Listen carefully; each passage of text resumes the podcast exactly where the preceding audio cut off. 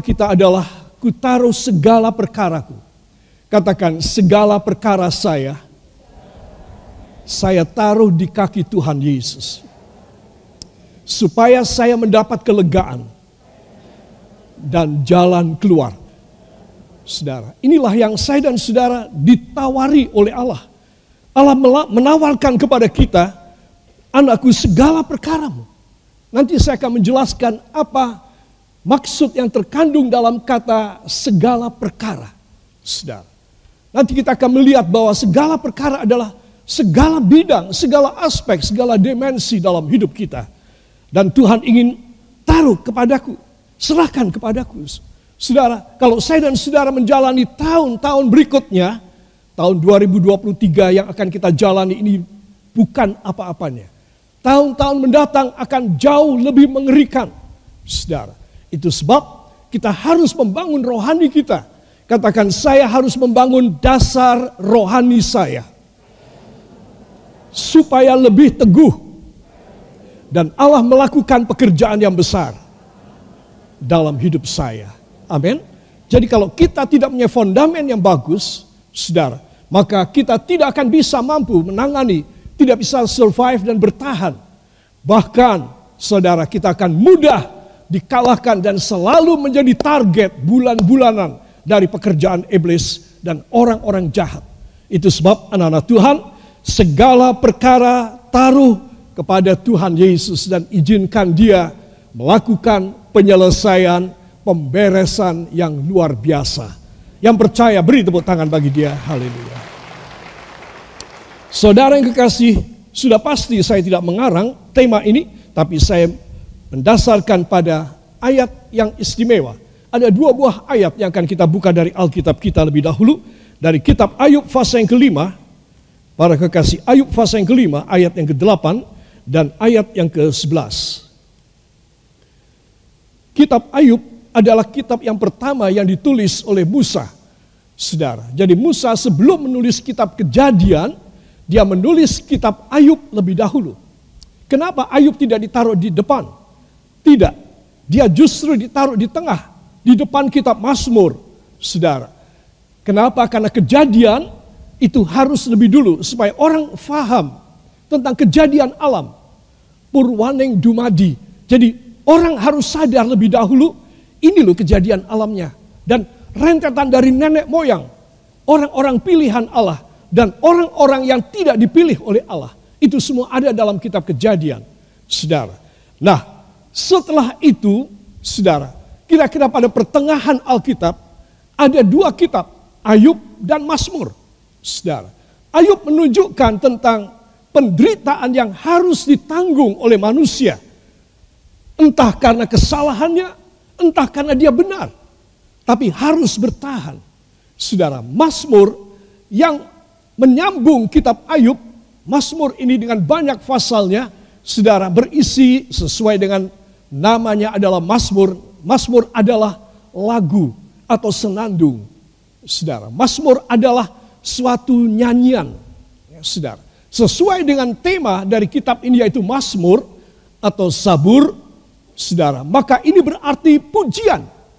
Saudara, kita melihat begitu banyak kemenangan yang tersirat dari ribuan ayat di dalam kitab Mazmur, saudara. Kemenangan orang-orang yang bisa bertahan di dalam penderitaan. Orang-orang yang bertahan di dalam menerima janji Allah, namun belum menerima. Saudara, Nah itu sebab dua kitab ini dikapal di tengah-tengah Alkitab kita. Supaya kita tahu kira-kira intisarinya firman itu apa. Yaitu kita harus bertahan, katakan, yaitu saya harus bertahan di dalam keadaan yang negatif, penderitaan, penantian, sehingga saya penuh dengan masmur, puji-pujian, sukacita, kemenangan. Amin. Ya, beri tepuk tangan bagi dia. Saudara, mari kita akan membacanya dalam Ayub pasal yang kelima, ayat 8 dan ayat yang ke-11. Satu, dua. Tetapi aku, tentu aku akan mencari Allah. Dan kepada Allah, aku akan mengadukan perkaraku sebelas.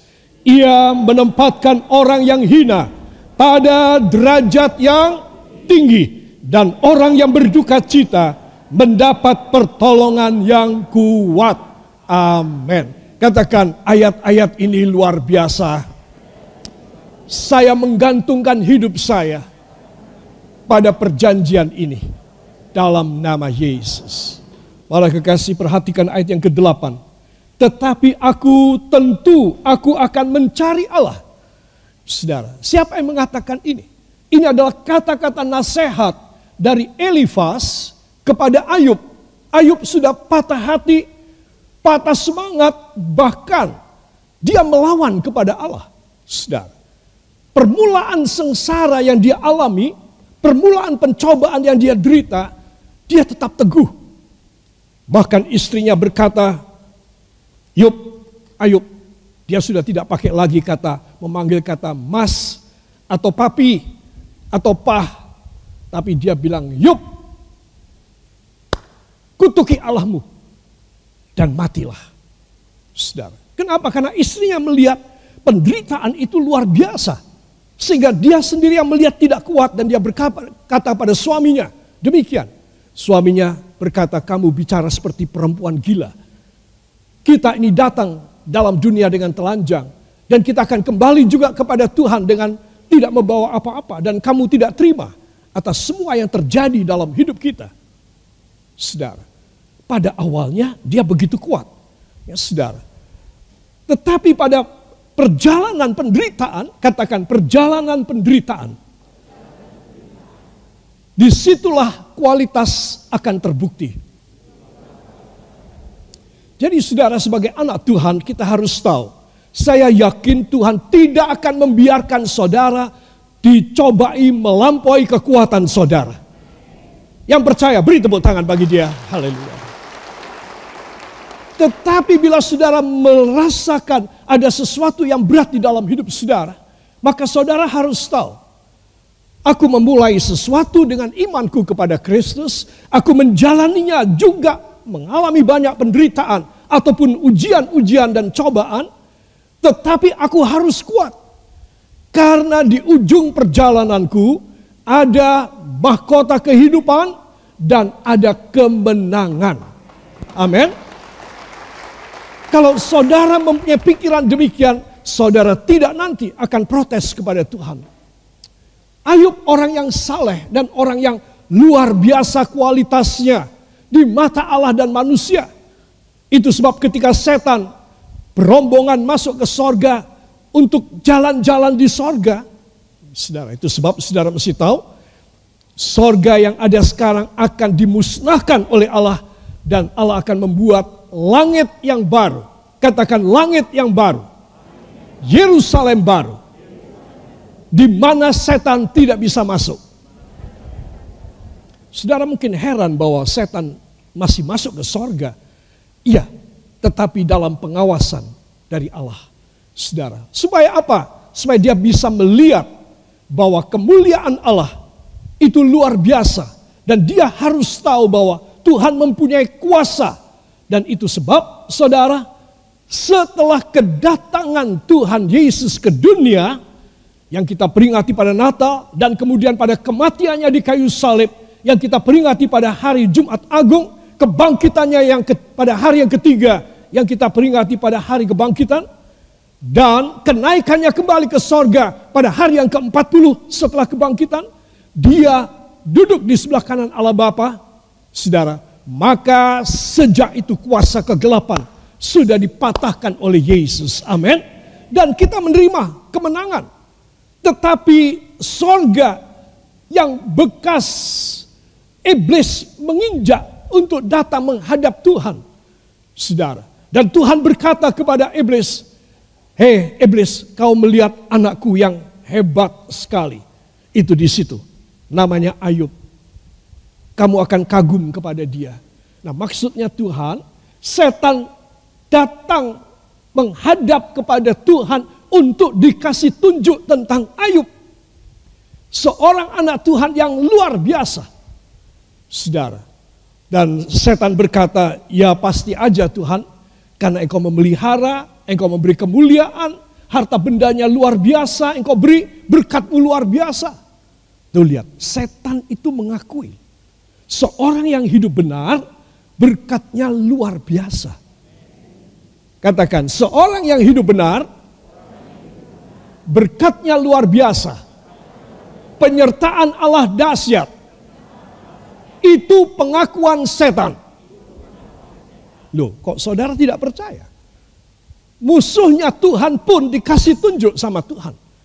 Ya, jadi saudara mesti tahu bahwa kalau saudara hidup benar, dekat kepada Tuhan dan setia kepadanya, akrab dengan dia, tidak bisa tidak. Katakan tidak bisa tidak. Saya pasti luar biasa. Apa yang mustahil, tidak mustahil. Saudara, kenapa? Karena setan pun mengakuinya. Saudara, itu sebab dikatakan kalau kamu percaya kepada Allah, ya, Yesus berkata, kalau kamu percaya kepada Allah, kepada orang-orang Farisi, itu biasa. Setan pun percaya kepadaku dan menggeletar takut. Jadi kalau seorang manusia hidup, dia kurang percaya atau bahkan dia tidak percaya kepada Tuhan Yesus, dia lebih kafir dari setan. Saudara. Dan ini harus diingat, ini ada pernyataan dari Tuhan Yesus. Setan pun percaya kepadaku dan menggeletar. Saudara, itu sebab anak-anak Tuhan perhatikan. Kenapa Ayub menjadi contoh buat kita? Dia manusia biasa, dia mempunyai kelebihan yang hebat, tapi dia juga mempunyai kelemahan juga. Itu sebab pada satu titik yang sangat luar biasa menakutkan di dalam hidupnya, dia melawan kepada Allah. Ketika itu datanglah tiga temannya, Elifas, katakan Elifas, Bildad, Sofar. Jadi tiga teman akrab daripada Ayub ini, Elifas yang paling tua, dia memulai perkataan kepada Ayub, Ayub kamu tidak boleh menyangkal kuasa Tuhan, kehendak Tuhan. Memang kami melihat kamu luar biasa sengsara. Saudara tahu, Ketika tiga sahabat ini datang menengok Ayub, mendengar kabarnya tentang musibah yang beruntun dalam sehari menimpa keluarga Ayub. Saudara, harta hewan-hewannya, ternaknya dirampok orang seketika. Kemudian anak-anaknya, tujuh orang sedang berpesta, bangunannya roboh dan mati semuanya. Saudara sebayangkan, pada hari yang sama, dan pada hari yang sama dia dihinggapi sakit pada kulitnya yang gatal dan pedih. Sehingga dia mengambil benda-benda yang tajam dan mengerok kulitnya.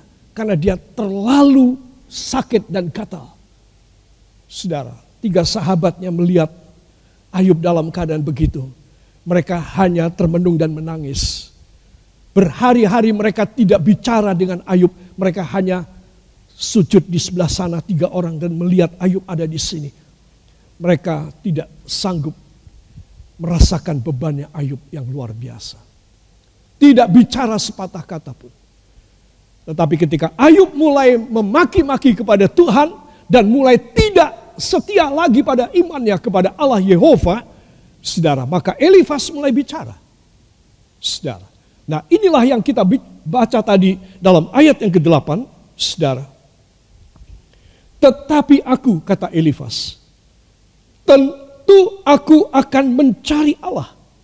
Dan kepada Allah aku akan mengadukan perkaraku. Sudah, coba lihat. Elifas lebih tua dari Ayub. Itu sebab dia lebih berhikmat. Dan dia berkata, kalau aku menderita seperti kamu Ayub, Memang aku tidak maido kamu. Itu penderitaan dahsyat Ayub. Itu penderitaanmu luar biasa Ayub. Tetapi kalau aku, aku akan datang kepada Tuhan dan menyerahkan segala perkaraku kepadanya. Katakan menyerahkan segala perkara saya kepadanya. Kepada Tuhan Yesus. Coba, saudara. Inilah yang menjadi tema kita. Ku taruh perkara perkaraku di hadapannya. Kalau aku, aku taruh perkaraku. Tuhan hamba tidak kuat. Tolong Kasih kelepasan kepada hamba. Ini petunjuk, ini nasihat dari yang paling tua dari antara empat sahabat karib ini. Saudara, yaitu Elifas. Saudara, dan ayat yang ke-11, seolah-olah dia berkata, kalau kamu bisa demikian, Ayub, ayat 11, maka Tuhan menempatkan orang yang hina seperti kamu saat ini. Kamu sedang hina, miskin, ruding, bangkrut, ditinggal oleh istrimu, anakmu tujuh mati semua, hartamu habis. Dia berkata, ia menempatkan orang yang hina pada derajat yang tinggi. Saudara. Jadi Elifas memberikan pengharapan. Memang perkaramu itu dahsyat Ayub. Kami bertiga sampai tujuh hari tidak berani bicara dengan kamu. Kami sangat terpukul melihat keadaanmu Ayub. Tidak pernah engkau berhenti untuk menggosok kulitmu yang sakit dan pedih. Bagaimana itu sudah ada pada sekujur tubuhmu. Engkau sudah bukan Ayub yang kemarin. Yang penuh dengan karisma. Dengan segala aksesoris sebagai orang yang kaya raya. Sodagar yang kaya. Dan engkau sekarang sudah jatuh miskin. Tapi ingat Ayub ia akan meninggikan orang hina pada kedudukan yang tinggi. Saudara. Jadi ini semua harus diawali dengan apa? Kutaruh segala perkaraku kepadamu. Saudara. Bila pada saat ini saudara atau beberapa waktu yang lalu, beberapa hari atau minggu atau bulan yang lalu, saudara ada dalam satu persoalan, dalam satu perkara, saudara, dalam sesuatu kasus, dalam sesuatu keadaan yang tidak baik. Saudara, sesuai dengan firman ini, taruhlah kepada Tuhan. Jikalau aku, aku akan mengadukan perkaraku kepadanya. Saudara, serahkan kepadanya. Mungkin saudara membantah, iya Pak Gembala, saya sudah berdoa dan menyerahkan kepada Tuhan. Tetapi kenapa sampai sekarang belum dapat jawaban? Saudara, nah saudara kemungkinan seperti Ayub salah jalan. Di dalam hati ingin ditolong, tetapi dalam hati tidak kuat jengkelnya, tidak kuat amarahnya kepada Allah, dan melontarkan kata-kata yang najis kepada Tuhan. Saudara, nah inilah yang membuat Tuhan tidak bisa mengambil alih segala perkara saudara. Sama kasusnya dengan Ayub. Saudara. Sehingga walaupun Elifas memberi nasihat, kalau aku ku taruh segala perkaraku kepadanya. Aku serahkan kepadanya. Saudara. Tapi kenapa kamu tidak Ayub? Iya pasti Ayub tidak bisa. Karena Ayub jengkel. Ayub marah kepada Allah. Ayub tidak bisa sepakat dengan kehendak Allah. Kalau saya dan saudara mempunyai banyak perkara banyak kasus, banyak persoalan dan problematika, banyak kejeglongnya, banyak kemustahilannya, banyak penyakitnya, banyak kekurangan ini itu segala macam. Saudara sekeluarga lima orang atau tujuh orang atau dua belas orang atau cuma dua orang dalam keluarga. Engkau mempunyai begitu banyak hal-hal yang negatif dan problematika. Bahkan mungkin ada prahara juga di tengah-tengahnya. Saudara mesti tahu tentang satu perkara. Katakan, hati saya. Katakan, hati saya. Taruh tangan saudara di sini. Hati saya harus benar. Supaya saya bisa menaruh segala perkara saya di hadapan Tuhan. Dan Tuhan berkenan menyelesaikan segala perkara saya. Amin. Haleluya. Harusnya demikian. Semua penyelesaian, katakan semua penyelesaian manusia adalah dimulai dari penyelesaian hati. Saudara harus jangan lupa pada diri saudara sendiri kalimat yang saudara ucapkan ini.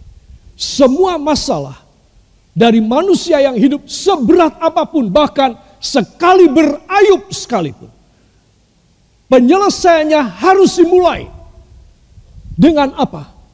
Dengan menyelesaikan hati lebih dulu. Tuhan, hamba penuh jengkel kepada Tuhan. Hamba marah kepada Tuhan. Hamba tidak bisa taat lagi kepada Tuhan. Hamba telah melakukan dosa dan hamba lebih taat pada suara bisikan dan ajakan iblis dan teman-teman daripada firmanmu. Bikin beres hati lebih dulu. Saudara, mengenai masalah yang kita hadapi, itu tidak berat bagi Tuhan. Amin. Dia sanggup. Tetapi hanya bagi siapa? Hanya bagi mereka yang hatinya sudah beres dengan Tuhan. Kalau hati saudara dan hati saya beres di hadapannya, apa sih yang dia tidak mau selesaikan? Tidak ada.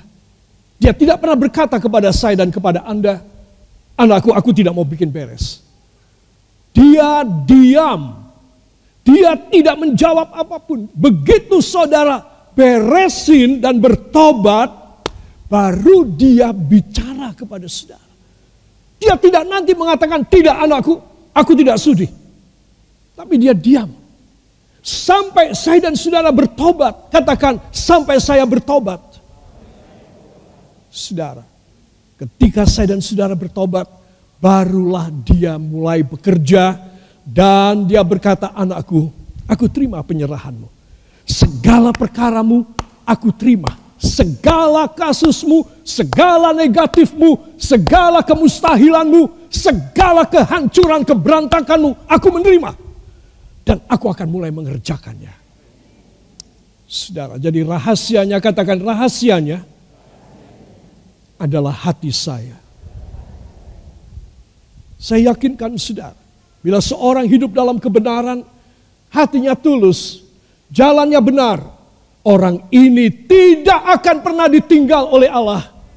Tuhan selalu mendampingi dia, beserta dengan dia, dan menuntun dia dan membawa dia pada segala jalan kemuliaan dari satu kemuliaan kepada kemuliaan yang lain dari satu kemenangan kepada kemenangan yang lain if any one of us receive Jesus Christ in our life and we repent from all our sins and we want to be changed and move on a new life that God provide for us through the words of God then God he himself will send his angels and will send other people to help you and to make you and to resolve every problem.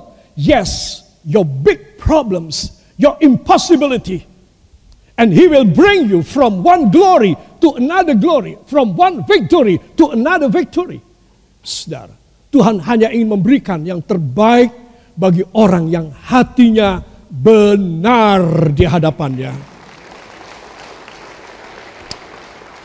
Itu sebab masalah hati adalah masalah nasib. Saya bilang, karena saya kan pengalaman. Jadi ketika hati saya tidak berkenan kepada Tuhan, hati saudara tidak berkenan kepada Tuhan, nasib kita jelek. Tapi begitu kita bertobat dan kita memperbaikinya, setiap hari kita mau meluruskan jalan kita, anak-anak Tuhan, engkau akan punya nasib yang dahsyat. Tuhan tidak akan tinggalkan engkau. Seperti apa pun hidupmu. Itu sebab perkara yang paling penting adalah hati kita. Katakan yang terpenting adalah hati saya. Lebih dari apa pun. Bila hati saya berkenan, Tuhan dekat dengan saya. Segala perkara saya saya serahkan kepadanya. Dan dia menyelesaikan, dia menuntaskan secara ajaib. Amin. Haleluya. Para kekasih, marilah kita akan tengok dua ayat ini. Saudara, kita akan baca satu kali lagi. Satu, dua. Tetapi aku tentu aku akan mencari Allah dan kepada Allah aku akan mengadakan perkaraku. Ia menempatkan orang yang hina pada derajat yang tinggi dan orang yang berduka cita mendapat pertolongan yang kuat. Amin. Beri tepuk tangan bagi dia. Luar biasa. Saudara. Tetapi aku kata Elifas, tentu aku akan mencari Allah. Karena dia sumber semua penyelesaian Ayub. Tapi engkau maki-maki, engkau ngomel, engkau ngomyang, engkau enggak terima, engkau emosional, jadi engkau enggak ketemu dengan Allah. Kalau aku, tentu aku akan mencari Allah. Dan kepada Allah, aku akan titik-titik mengadukan perkaraku. Katakan, kepada Allah, di dalam Tuhan Yesus, saya akan mengadukan perkara-perkara saya. Amin. Bikin lega hati saudara. Bikin plong segala macam kebuntuan pada pikiran saudara. Saudara. Orang yang tidak bisa plong pikirannya, hatinya, dia akan lari kepada dosa, kepada narkoba, narkotika, dan kepada segala kriminalitas. Dia pasti lari ke sana. Pada kesenangan dunia yang sesaat, yang dibungkus oleh dosa. Tapi orang yang mencari Tuhan, dia hidup dalam kebenaran, maka Tuhan tidak jauh dari dia. Segala perkara dia Tuhan sedang menunggu. Dia menunggu saya, dia menunggu saudara. Menunggu siapa? Orang yang hatinya beres. Untuk supaya orang ini tidak mengukuhi masalahnya sendiri dan tidak menyimpan problema dan menutupinya dengan kamuflase, dengan segala macam masker dan kosmetika. Kelihatannya di luar luar biasa, bagus, oke okay, semuanya, happy-happy saja, tapi dalamnya busuk. Saudara, Tuhan menanti sampai orang membereskan hatinya dan mengadukan segala perkara kepadanya. Itu sebab kenapa saudara perlu datang ke gereja. Karena di gereja, di rumah Allah, saudara datang mengadukan perkara saudara kepada Tuhan. Saudara bisa berbakti di mana pun, termasuk di rumah saudara. Karena pandemi ini memberikan amanat kepada seluruh manusia yang hidup di dunia untuk berbakti di rumah saja. Itu pandemi ini memberi amanat pada semua manusia, semua agama berbakti di rumah saja, beribadah di rumah saja. Saudara. Tapi saudara mesti tahu, seorang yang beribadah di rumah, dia berbeda berkatnya, dia berbeda khasiatnya dengan orang yang datang ke rumah Allah. Allah akan memberikan anugerah yang luar biasa di dalam hidupnya. Para kekasih sekarang angkat dua tangan saudara kembali dan terimalah berkat dari sorga. Sebab itu para kekasih, turunlah di atas kepala saudara damai sejahtera dan anugerah yang turun dari tahta Allah Bapa, Allah Putra, Allah Roh Kudus, Allah yang Maha Esa dan Maha Tunggal adanya, di dalam nama Tuhan Yesus Kristus, memberkati rumah tangga dan mata pencaharian saudara, studi pelajaran sekolah anak-anak muda dan remaja, hari tua kakek dan nenek yang sendirian, Tuhan menjaga dan melindungi saudara semuanya. Anugerah Tuhan limpah kepada saudara. Diberkatilah engkau yang sudah hadir di dalam rumah Tuhan Grio Panembah ini. Hanya di dalam nama Tuhan Yesus Kristus. Juru selamat dan penebus kami. Dan kita semua mengaminkan. Amin. Beri tepuk tangan bagi dia.